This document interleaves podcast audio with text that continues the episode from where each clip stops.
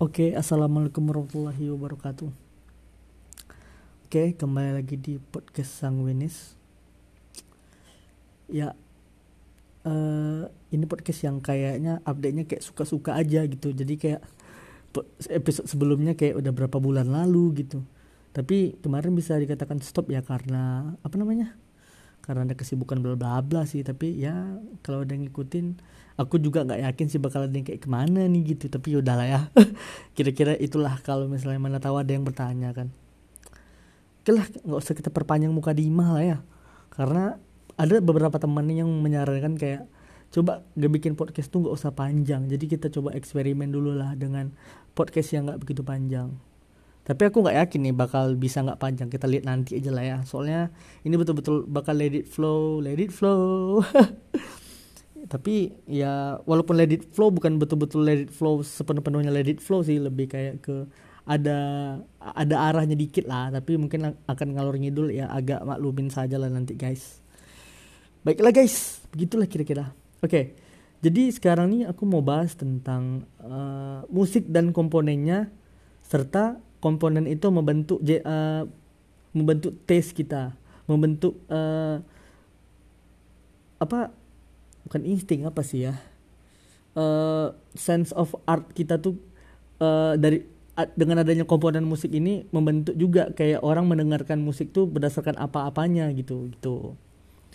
Jadi aku ini melansir ini dari dua teori yang aku aku teori yang satu belum tentu konkret karena ini kayak cuma omongan aja. Yang kedua juga belum konkret cuman karena yang kedua ini kayaknya dia kayaknya aku kurang tahu ya cuman kayaknya dia emang orang sekolah orang sekolah musik gitu yang emang musiknya emang eh, teoritis lah gitu. Kalau yang pertama praktis emang orang-orang praktisi musik. Bukan praktisi apa sih? Artis-artis gitu. Kan praktis berarti kan yang mempraktekkan langsung gitu tanpa banyak teori bla bla bla jadi gini gini. Jadi komponen-komponen musik ini adalah kayak ini yang ada dalam musik. Jadi ada dua versi komponen musik yang aku ambil. Versi Anji pertama Anji dunia Manji. Versi ada channel YouTube namanya em, teori musik for gitar gitu. Nah itu ada channel luar negeri yang ngebahas tentang ini juga. Tentang komponen ini cuman berbeda. Jadi gini dengan adanya komponen musik ini kayak akan kita aku bisa kayak jelasin kenapa ada orang beda taste terus kenapa orang sukanya ke sini kenapa nggak ke sini aja gitu karena ada hubungannya gitu.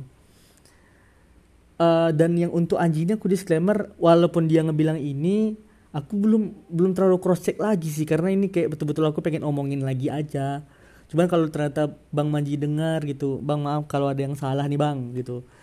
Tapi intinya kira-kira seperti inilah nanti akan aku bilang yang jelas Aji pernah nanya ini Bang Manji ini pernah nanya uh, tiga komponen eh apa tiga hal ini ke musisi eh ke orang yang musisi apa? Memang orang pendengar musik ya? Pokoknya emang nanya gitulah. Jadi aku menyimpulkan bagi bagi Bang Bang Manji itu adalah eh, komponen musik ini tiga ini gitu. Jadi ya bisa jadi aku salah ngambil kesimpulan tapi aku nangkapnya gitulah ya. Jadi emang ingat anjing nggak ada bilang kalau ini komponen musik cuman aku yang nangkapnya sendiri. Ibaratnya biar kita biar eh, gimana ya aku nge- ngebilangin komponen komponen musik biar kayak mudah dimengerti aja kayak eh, iya musik tuh ada tiga ini gitu. Nah gitu. Jadi gini Anji pernah nanya gini sama tiga orang yang acak. Jadi mereka eh, si Anji nanya gini kalian kalau dengar musik tuh lihat apanya?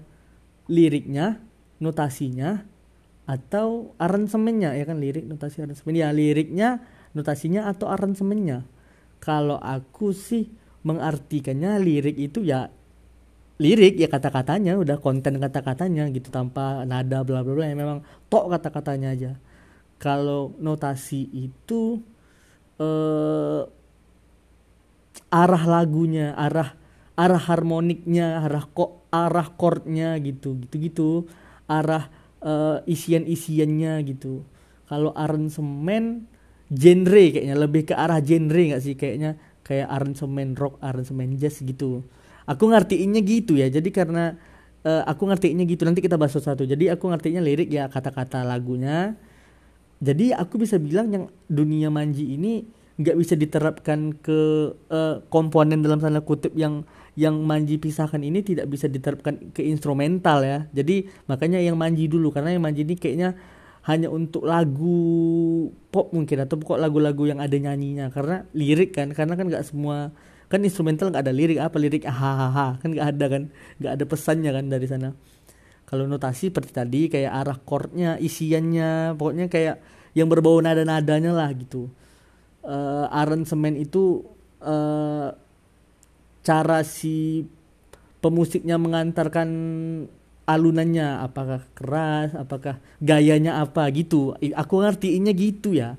Jadi kalau emang misalnya salah mohon maaf. Jadi ini kayak balik lagi ini kayak uh, pikiran aku ditambah uh, isi video Manji yang itu. Aku lupa judul videonya apa yang jelas ada tuh. Kalau Bang Manji dengar tolong kasih tahu Bang. Tolong kasih tahu Bang. Nah lanjut lagi ya. Jadi ada tiga komponen tuh kan menurut dunia Manji itu kan. Jadi yang pertama itu kan lirik gitu. Jadi uh, uh, tuh tuh tuh sebelum kita bahas liriknya jadi kan Manji nanya tadi kan yang tiga itu kayak kita lihat dari apa. Nah kalau kita bisa orang bisa beda tes karena orang ngelihat musik dari tiga komponen ini gitu. Jadi dari tiga, tiga komponen ini kalau orang beda melihat spektrumnya ke arah lirik aja mungkin beda bakal artis yang dia suka. Ibaratnya kan misalnya kalau ada orang yang suka lirik berarti apa kan uh, konten-kontennya dia nggak akan peduli genre dia nggak akan peduli notasi tapi kayak ya udah kata-kata aja gitu. Nah itu yang lirik. Jadi yang kalau ada orang suka lirik itu biasa gitu. Yang kayak biasanya anak indie mungkin yang suka-suka yang lirik-lirik yang kayak deep deep gitu. Kayak lagu Leto kayak lagu-lagunya siapa? Poyong Teduh gitu-gituan. Nah itu kalau orang-orang lihat lirik itu gitu biasanya yang deep. Jadi kayak aku nggak tahu ya cuman biasanya kalau ada orang yang betul-betul tok ngeliat lirik kayaknya notasi dan arrangement kayak bisa nomor dua lah. Bukan nggak peduli ya tapi kayak bisa dinantikan lah kayak oke okay, nanti aja bisa ngalir gitu.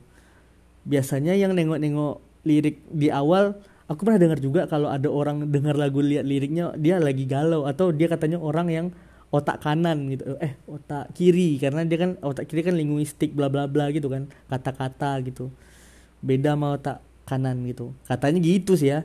Jadi ya orang-orang yang kalau ada orang misalnya suka lirik-lirik apa lagu-lagu yang berlirik deep ya balik lagi ke teori ini. Oh berarti dia ngelihat spektrum musik tuh lirik dulu gitu. Jadi kita tidak bisa ngejat sih. Namanya juga beda orang tuh beda spektrum dan cara pembentukan dia kenapa memilih spektrum lirik ya pasti banyak perjalanan panjang yang kita tidak tahu kan. Jadi kalau ada punya teman yang anak India tuh ala India atau suka-suka musik yang liriknya deep deep gitu jangan dihujat atau dieji apa gimana. Karena ya namanya juga selera. Kalau kata Cing Abdel no debat itu selera kan bukan untuk diperdebatkan kan. Kalau emang kita nggak suka ya udah gitu. Nah intinya gitulah. Terus yang kedua aran eh jangan aran aransemen terakhir lah ya. Notasi. Notasi ini notasi ini ya itu kayak chord kayak melodinya lagu gitu. Jadi uh, pernada-nadaan lagu itu menjadi salah satu yang yang paling utama. Gimana ya contohnya? Kadang-kadang ada orang yang masih bisa nggak beda uh, yang nggak bisa bedain antara notasi sama aransemen gitu. Misalnya gini lah ya aku coba ambil gitar lah ya.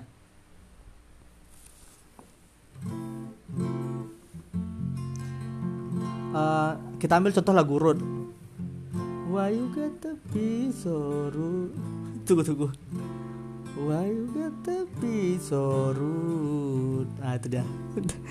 Oke Jadi kalau misalnya rude versi reggae itu uh, Versi aslinya gini kan. Jadi notasinya Notasi lagunya gini.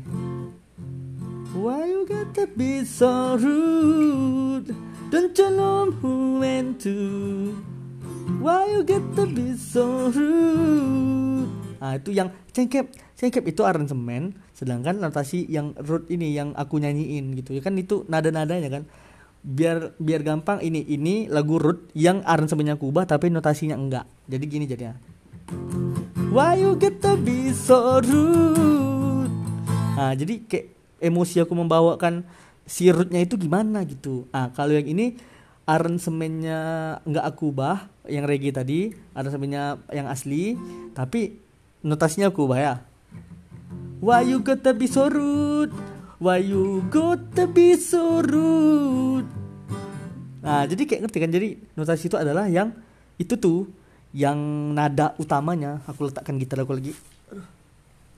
Nah balik lagi kita ke notasi ya jadi notasinya itu ada, ada orang yang lihat notasi dulu. Jadi kayak ya aransemen sama lirik belakangan lah. Yang jelas kayak uh, nada pemilihan untuk chord untuk melodi nada untuk lagunya utamanya tuh udah pas belum. Misalnya kayak ada orang yang ini bakal teknis sih kayak uh, main scale-nya scale tertentu gitu. Kadang-kadang ada orang kayak wah oh, aku sukanya scale harmonik minor bla bla bla bla bla gitu.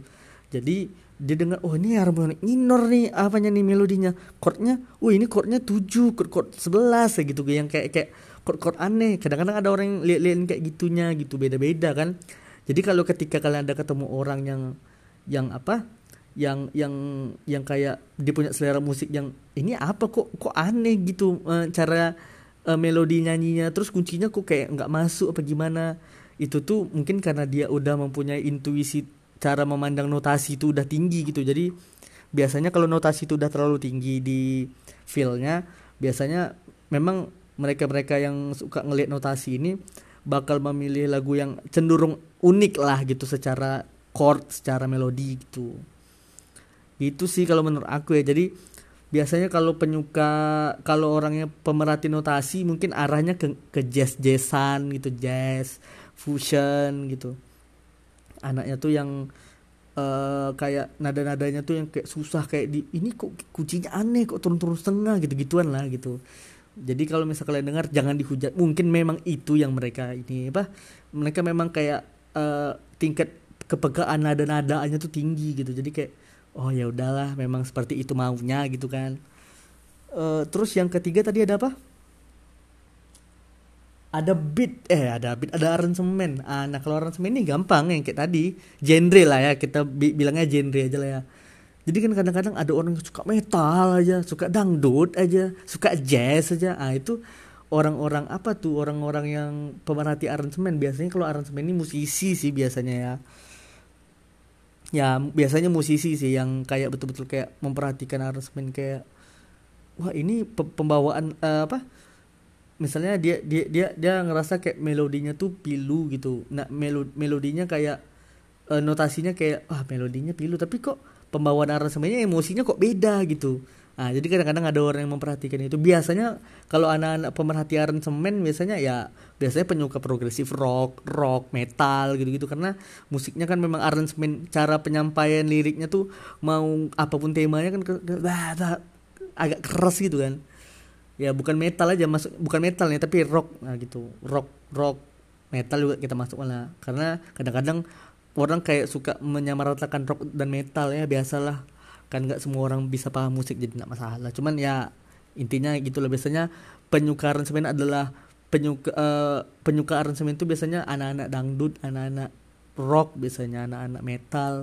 Karena kan itu tuh membutuhkan sebuah apa uh, kayak ada feelnya tersendiri aransemennya kan. Karena yang mereka dengarkan itu iringannya gitu bukan bukan melodi utamanya gitu. Jadi dari Anji itu dia pisahkan jadi tiga itu. Pemerhati lirik uh, anotasi dan aransemen maka ditanya uh, ka kalian kalau lihat lagu dengar uh, apa yang kalian lihat dulu? Uh, jadi kalian rasakanlah apa yang kalian suka. Kadang-kadang ada yang orang lihat dua kayak notasi dan misalnya notasi dan aransemen dia nggak lihat lirik. Ada yang lihat lirik dan notasi ada yang lihat lirik dan aransemen.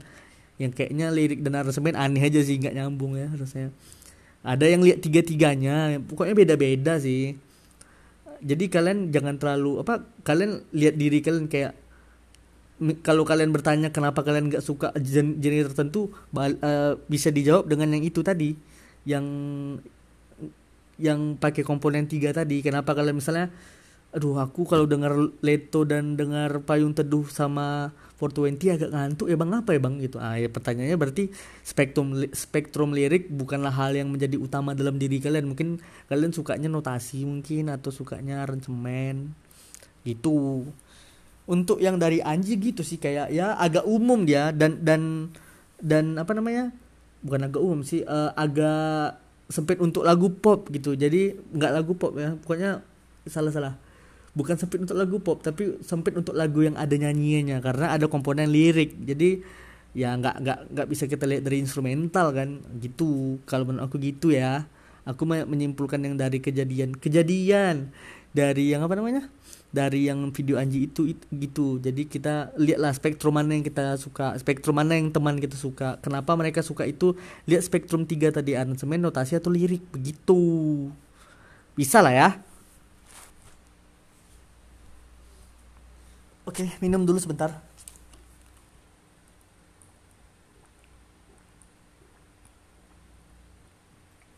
Alhamdulillah. Oke lanjut lagi ya. Terus yang kedua yang dari channel luar negeri. Namanya Musik Teori for Gitar. Nah, tuh dengar tuh.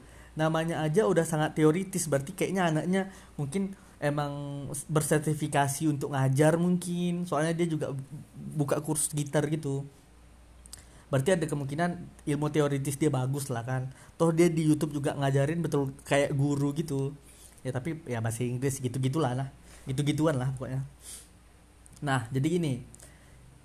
Aku lupa nama dia siapa yang jelas dia orang Itali sih. Kita sebut aja bapak Itali ini ya. Bapak Itali aja lah kita sebut namanya. Jadi si bapak Itali ini nyebut kalau uh, waktu itu dia bikin bahasan kayak tentang kenapa orang nggak suka jazz pertanyaannya udah betul ngarah gitu ya emang kayak kenapa orang nggak suka jazz?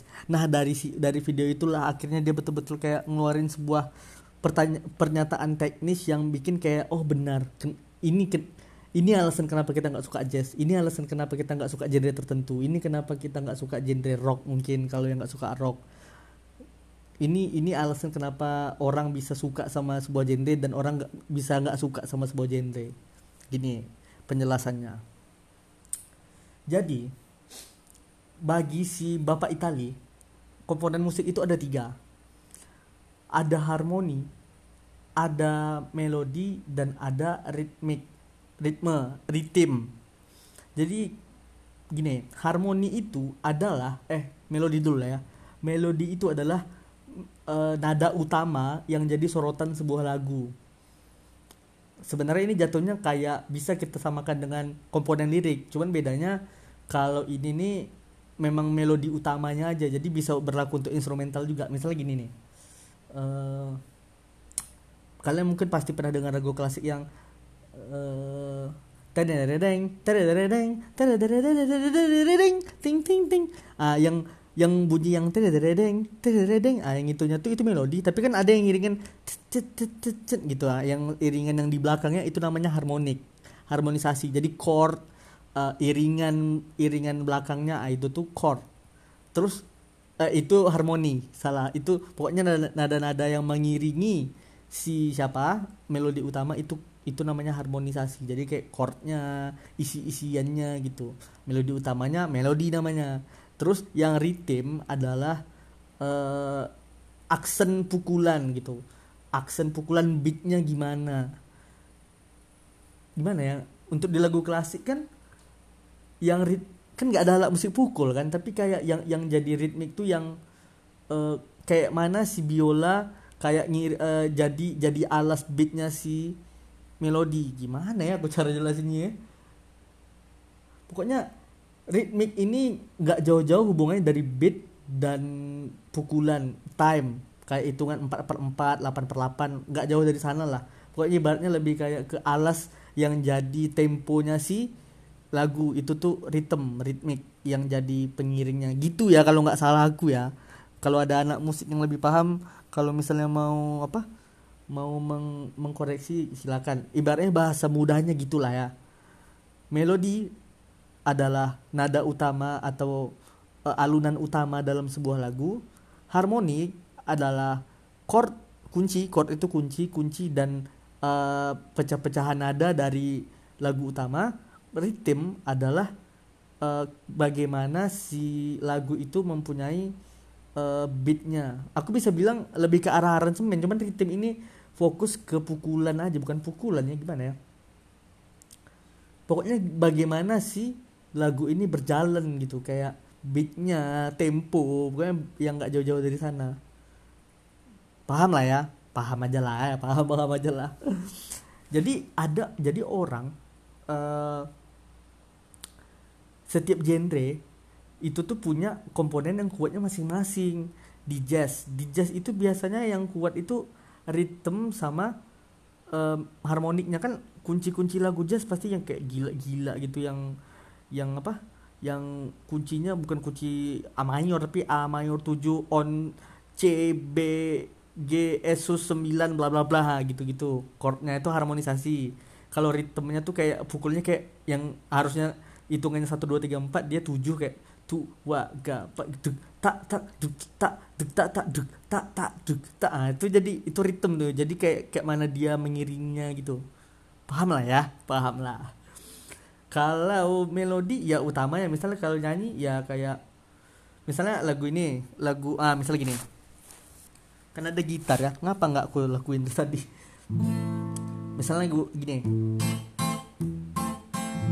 aku ah eh, bukan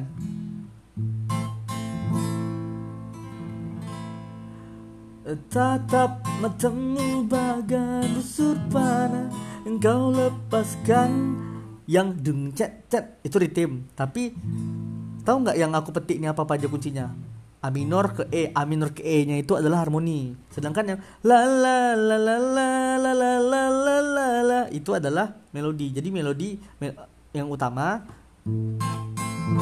pengiringnya ritme uh, hitungannya ritme nada yang aku pakai jadi ritmenya harmoni paham lah ya bisa lah bisa lah Nah, jadi tiap genre itu kayak aku bilang tadi kuatnya tuh beda-beda. Kayak jazz mungkin chordnya kuat, uh, ritmenya juga eh, harmonisasinya kuat, ku, uh, ritmenya kuat, melodinya biasa aja karena kadang-kadang kan ya lagu jazz tuh nyanyi gitu-gitu aja kayak pengulangan nada gitu kan. Cuman cuman ininya apa?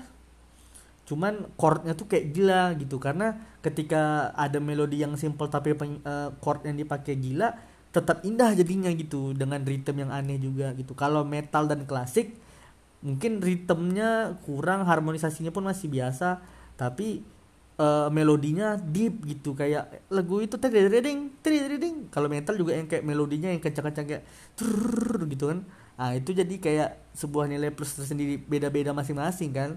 Jadi kalau ada orang uh, penyuka harmoni dia dia kayak ngeliat aku kayaknya kalau dengar lagu tuh dengar-dengar chordnya enggak dengar-dengar chordnya ini dengar-dengar apa pengiring nada-nada pengiringnya. Uh, ya berarti cari yang musik harmonik yang yang unsur harmoniknya tinggi apa? Jazz misalnya atau musik-musik blues gitu. Itu kan yang kayak apanya tinggi apa harmon harmoniknya lumayan gitu. Eh blues melodi sih blues melodinya tinggi. Pokoknya yang kayak yang tinggi itu bukan melodi utamanya gitu. Kalau kayak R&B kayak blues kayak pop itu biasanya melodinya agak ditinggiin. Karena kayak yang jadi sorotan utama penyanyi biasanya kan. Atau kalau emang blues tuh kan kayak gitar kayak nah yang gitu gitunya pokoknya bakal beda-beda setiap orang. Ada yang lihat harmoni dan melodi ada yang lihat harmoni ya kayak aku bilang tadi bisa lihat satu bisa lihat dua bisa lihat semuanya gitu. Jadi contohnya baru-baru ini ada ngeluarin Isyana Saraswati ngeluarin lagu judul, judulnya Unlock the Key. Itu tuh kayak progressive rock gitu dan komentar orang tuh kayak kaget-kagetan lihat kayak ini kok ada musisi bikin gini kok keren bla bla bla bla bla. Uh, itu bisa terjadi karena musik kebanyakan didengar orang adalah uh, menggunakan uh, apa komponen yang di, di lumayan dinaikkan adalah harmonisasi dan uh, melodi biasanya. Karena pop ya mainnya biasanya di melodi gitu. Karena ritme sama uh, ritmenya itu pasti repetitif. Ya rata-rata kayak duk tak duk duk tak kayak ya ritmenya ritme repetitif. Harmonisasinya lebih parah lagi repetitif yang kayak cuman C G ke A minor ke G ke F ke C ke D minor ke G jadi kayak betul-betul yang repetitif serepetitifnya gitu. Dan akhirnya ketika Isyana ngasih sebuah terobosan memberi musik dengan harmonisasi dan ritmik yang sangat tidak biasa dan nggak nonjolin melodi karena orang mungkin udah muak dengan uh, musik yang menonjolin melodi kan karena pop lumayan menunjukkan melodi dan sedikit harmonisasi gitu. Kurang di ritme kadang. Ini ini kebanyakan ya bukan semua musik pop ya. Yang yang yang yang musik pop yang betul-betul populer pada umumnya lah Ah, datang Isyana dengan memberi itu, makanya orang kaget. Jadi ketika ada orang kaget dengar seperti itu, ya dikarenakan kuping kita atau kuping para pendengar pop atau kuping-kuping halayak ramai di Indonesia kayaknya aku bisa bilang da, ngelihat dari cara mereka berespon adalah masih terkejut masih belum banyak mendengar yang gimana ya kayak mungkin ketika orang lain yang ngebawa orang mereka kayak nggak peduli. Tapi ketika Isyana mungkin karena Isyana tuh lumayan dikenal dari pop dulu ketika mereka akhirnya melihat si Isyana mulai berbelok menjadi kayak aliran musik yang sangat berbeda jadi sebuah keter, ke, keterkejutan ya karena itu tadi. Yang Isyana yang biasanya Isyana bawa bawain pop dengan harmonisasi eh, dengan melodi dan harmonisasi yang lumayan menonjol tapi repetitif tiba-tiba melodinya dia agak sedikit hilang kan? Maksud aku kayak di lagu baru ini Unlock the Key ini aku bisa bilang uh, apa? Hmm, melodinya tuh kayak nggak begitu ditonjolin. Maksudnya tuh nyanyinya si Isyana ya nyanyinya bagi aku ya kayak nggak begitu yang ditonjolin utama. Karena memang betul-betul yang cara si Isyana mengemas uh, harmonik dan nicknya kayak pukulannya tuh kayak nggak satu dua tiga empat lima sampai delapan kayak tujuh kayak ta ta ta ta ra ta ta ta ra ta ta ta kayak ta ta apa ya bagian musik itu na na na ta ta ta ta ra tu wa ga pa pa ta jutu wa ga pokoknya yang beda beda gitulah makanya banyak timbul keterkejutan sih makanya menurut aku uh, balik lagi tentuin diri kalian ketika kalian melihat sebuah musik tuh komponen apa yang jadi kecenderungan kalian untuk kalian dengarkan. Apakah notasi? Apakah eh notasi itu yang Anji tadi. Apakah harmonik? Apakah apakah chordnya isiannya? Apakah aksen dari chordnya itu kayak ya berarti ritme kan? Atau nyanyi utamanya melodi utamanya yang kalian dengar. Ah itu beda-beda. Jadi kenapa bisa beda-beda? Ya itu tadi komponen yang kita lihat itu beda-beda tiap orang. Ah jadi kesimpulannya adalah kenapa orang bisa mempunyai tes yang berbeda? Kenapa orang bisa mempunyai sebuah pandangan yang berbeda terhadap musik? Karena ada spektrum-spektrum tertentu yang dari tiga faktor tiga enam faktor yang udah aku sebutin semua di awal tadi uh, orang bisa ngelihat enam spektrum itu sebagai hal yang berbeda-beda gitu. Apalagi kalau ada orang yang gabungin tiga-tiga ini jadi enam betul-betul satu kesatuan gitu. Bakal menciptakan sebuah uh, kemungkinan tidak terbatas untuk untuk orang untuk memilih musik. Karena akhirnya kayak mungkin ada orang yang gabungin kayak aku maunya dengar harmonisasi tapi yang lirik deep. Nah bisa gitu kan. Atau aku mau ada aransemen yang bagus tapi mempunyai uh, apa ritme yang bagus. Jadi kayak dia nggak peduli komponen yang lain gitu. Bisa tiga faktor tadi apa enam faktor tadi bisa bisa jadi dua du jadi tiga tiga atau bisa digabungin jadi satu sih. Jadi akhirnya ya bakal menimbulkan sebuah kemungkinan tak terbatas untuk orang bisa memilih musik apa gitu. Jadi itulah kira-kira penyebab kenapa kenapa musik A bagus eh, kenapa musik A tuh bisa laku kenapa musik ini nggak laku eh bukan nggak laku kenapa kenapa ada orang bisa suka musik yang menurut menurut kita kayak gini lah aku tuh termasuk orang yang nggak begitu suka bukan benci ya tapi kayak nggak nggak saliran dengan musik-musik kayak DJ DJ ala ala DJ DJ yang heboh yang tau kan DJ Indonesia yang kayak betul-betul kayak musiknya tuh kayak bukan aneh kayak beda lah soundnya gitu wah yang kayak kayak gitu. Ya karena mungkin aku tidak melihat uh, apa ada komponen yang yang aku lihat dari dari apa komponen yang aku lihat dari diri aku pribadi misalnya komponen harmonisasi dan komponen ritme itu tuh tidak ada yang spesial dari dua komponen itu di lagu itu. Makanya kalian kalau kalian ngelihat besok ada dengerin lagu cobalah kalian cerminkan diri dari tiga tiga dari enam tadi itu komponen mana yang kalian benar-benar suka. Jadi ketika kalian dengar lagu dengar lagu sebuah lagu dan kalian nggak suka kalian tahu kenapa itu bisa terjadi. Bukan kalian sekedar kayak nggak suka aja gitu. Ada penjelasan sedikit dalam tanda kutip ilmiahnya. Begitulah kira-kira guys. Ya aku nggak tahu mungkin ngebut apa gimana karena emang aku juga eksperimental si podcast ini. Jadi kira-kira itulah yang bisa menyebabkan ada perbedaan gitu dalam uh, taste musik uh, pemilihan aransemen bla bla bla itu mm, faktor-faktor tadi mempengaruhi orang baik dalam membuat musik bahkan ataupun mendengarkan aja gitu. Gitulah kira-kira guys. Oke lah. Kayaknya cukup aja lah ya pembacotan aku ini karena ini betul-betul aku kayak seru aja kayaknya pengen bahas gitu. Dan aku mungkin bakal feeling kayaknya bakal ada yang nggak ngerti atau mungkin protes bagaimana ya tidak apa-apa lah namanya juga. Kesok tahuan kan jadi mohon maaf lahir dan batin lah pokoknya. Lah kalau misalnya ada besok mau ditanya lagi yang aku nggak yakin betul ada orang mau nanya apa enggak ya chat aja mungkin di IG Rangga Mahardika kasih tahu aja nanti. Ya gitulah kira-kira guys ya.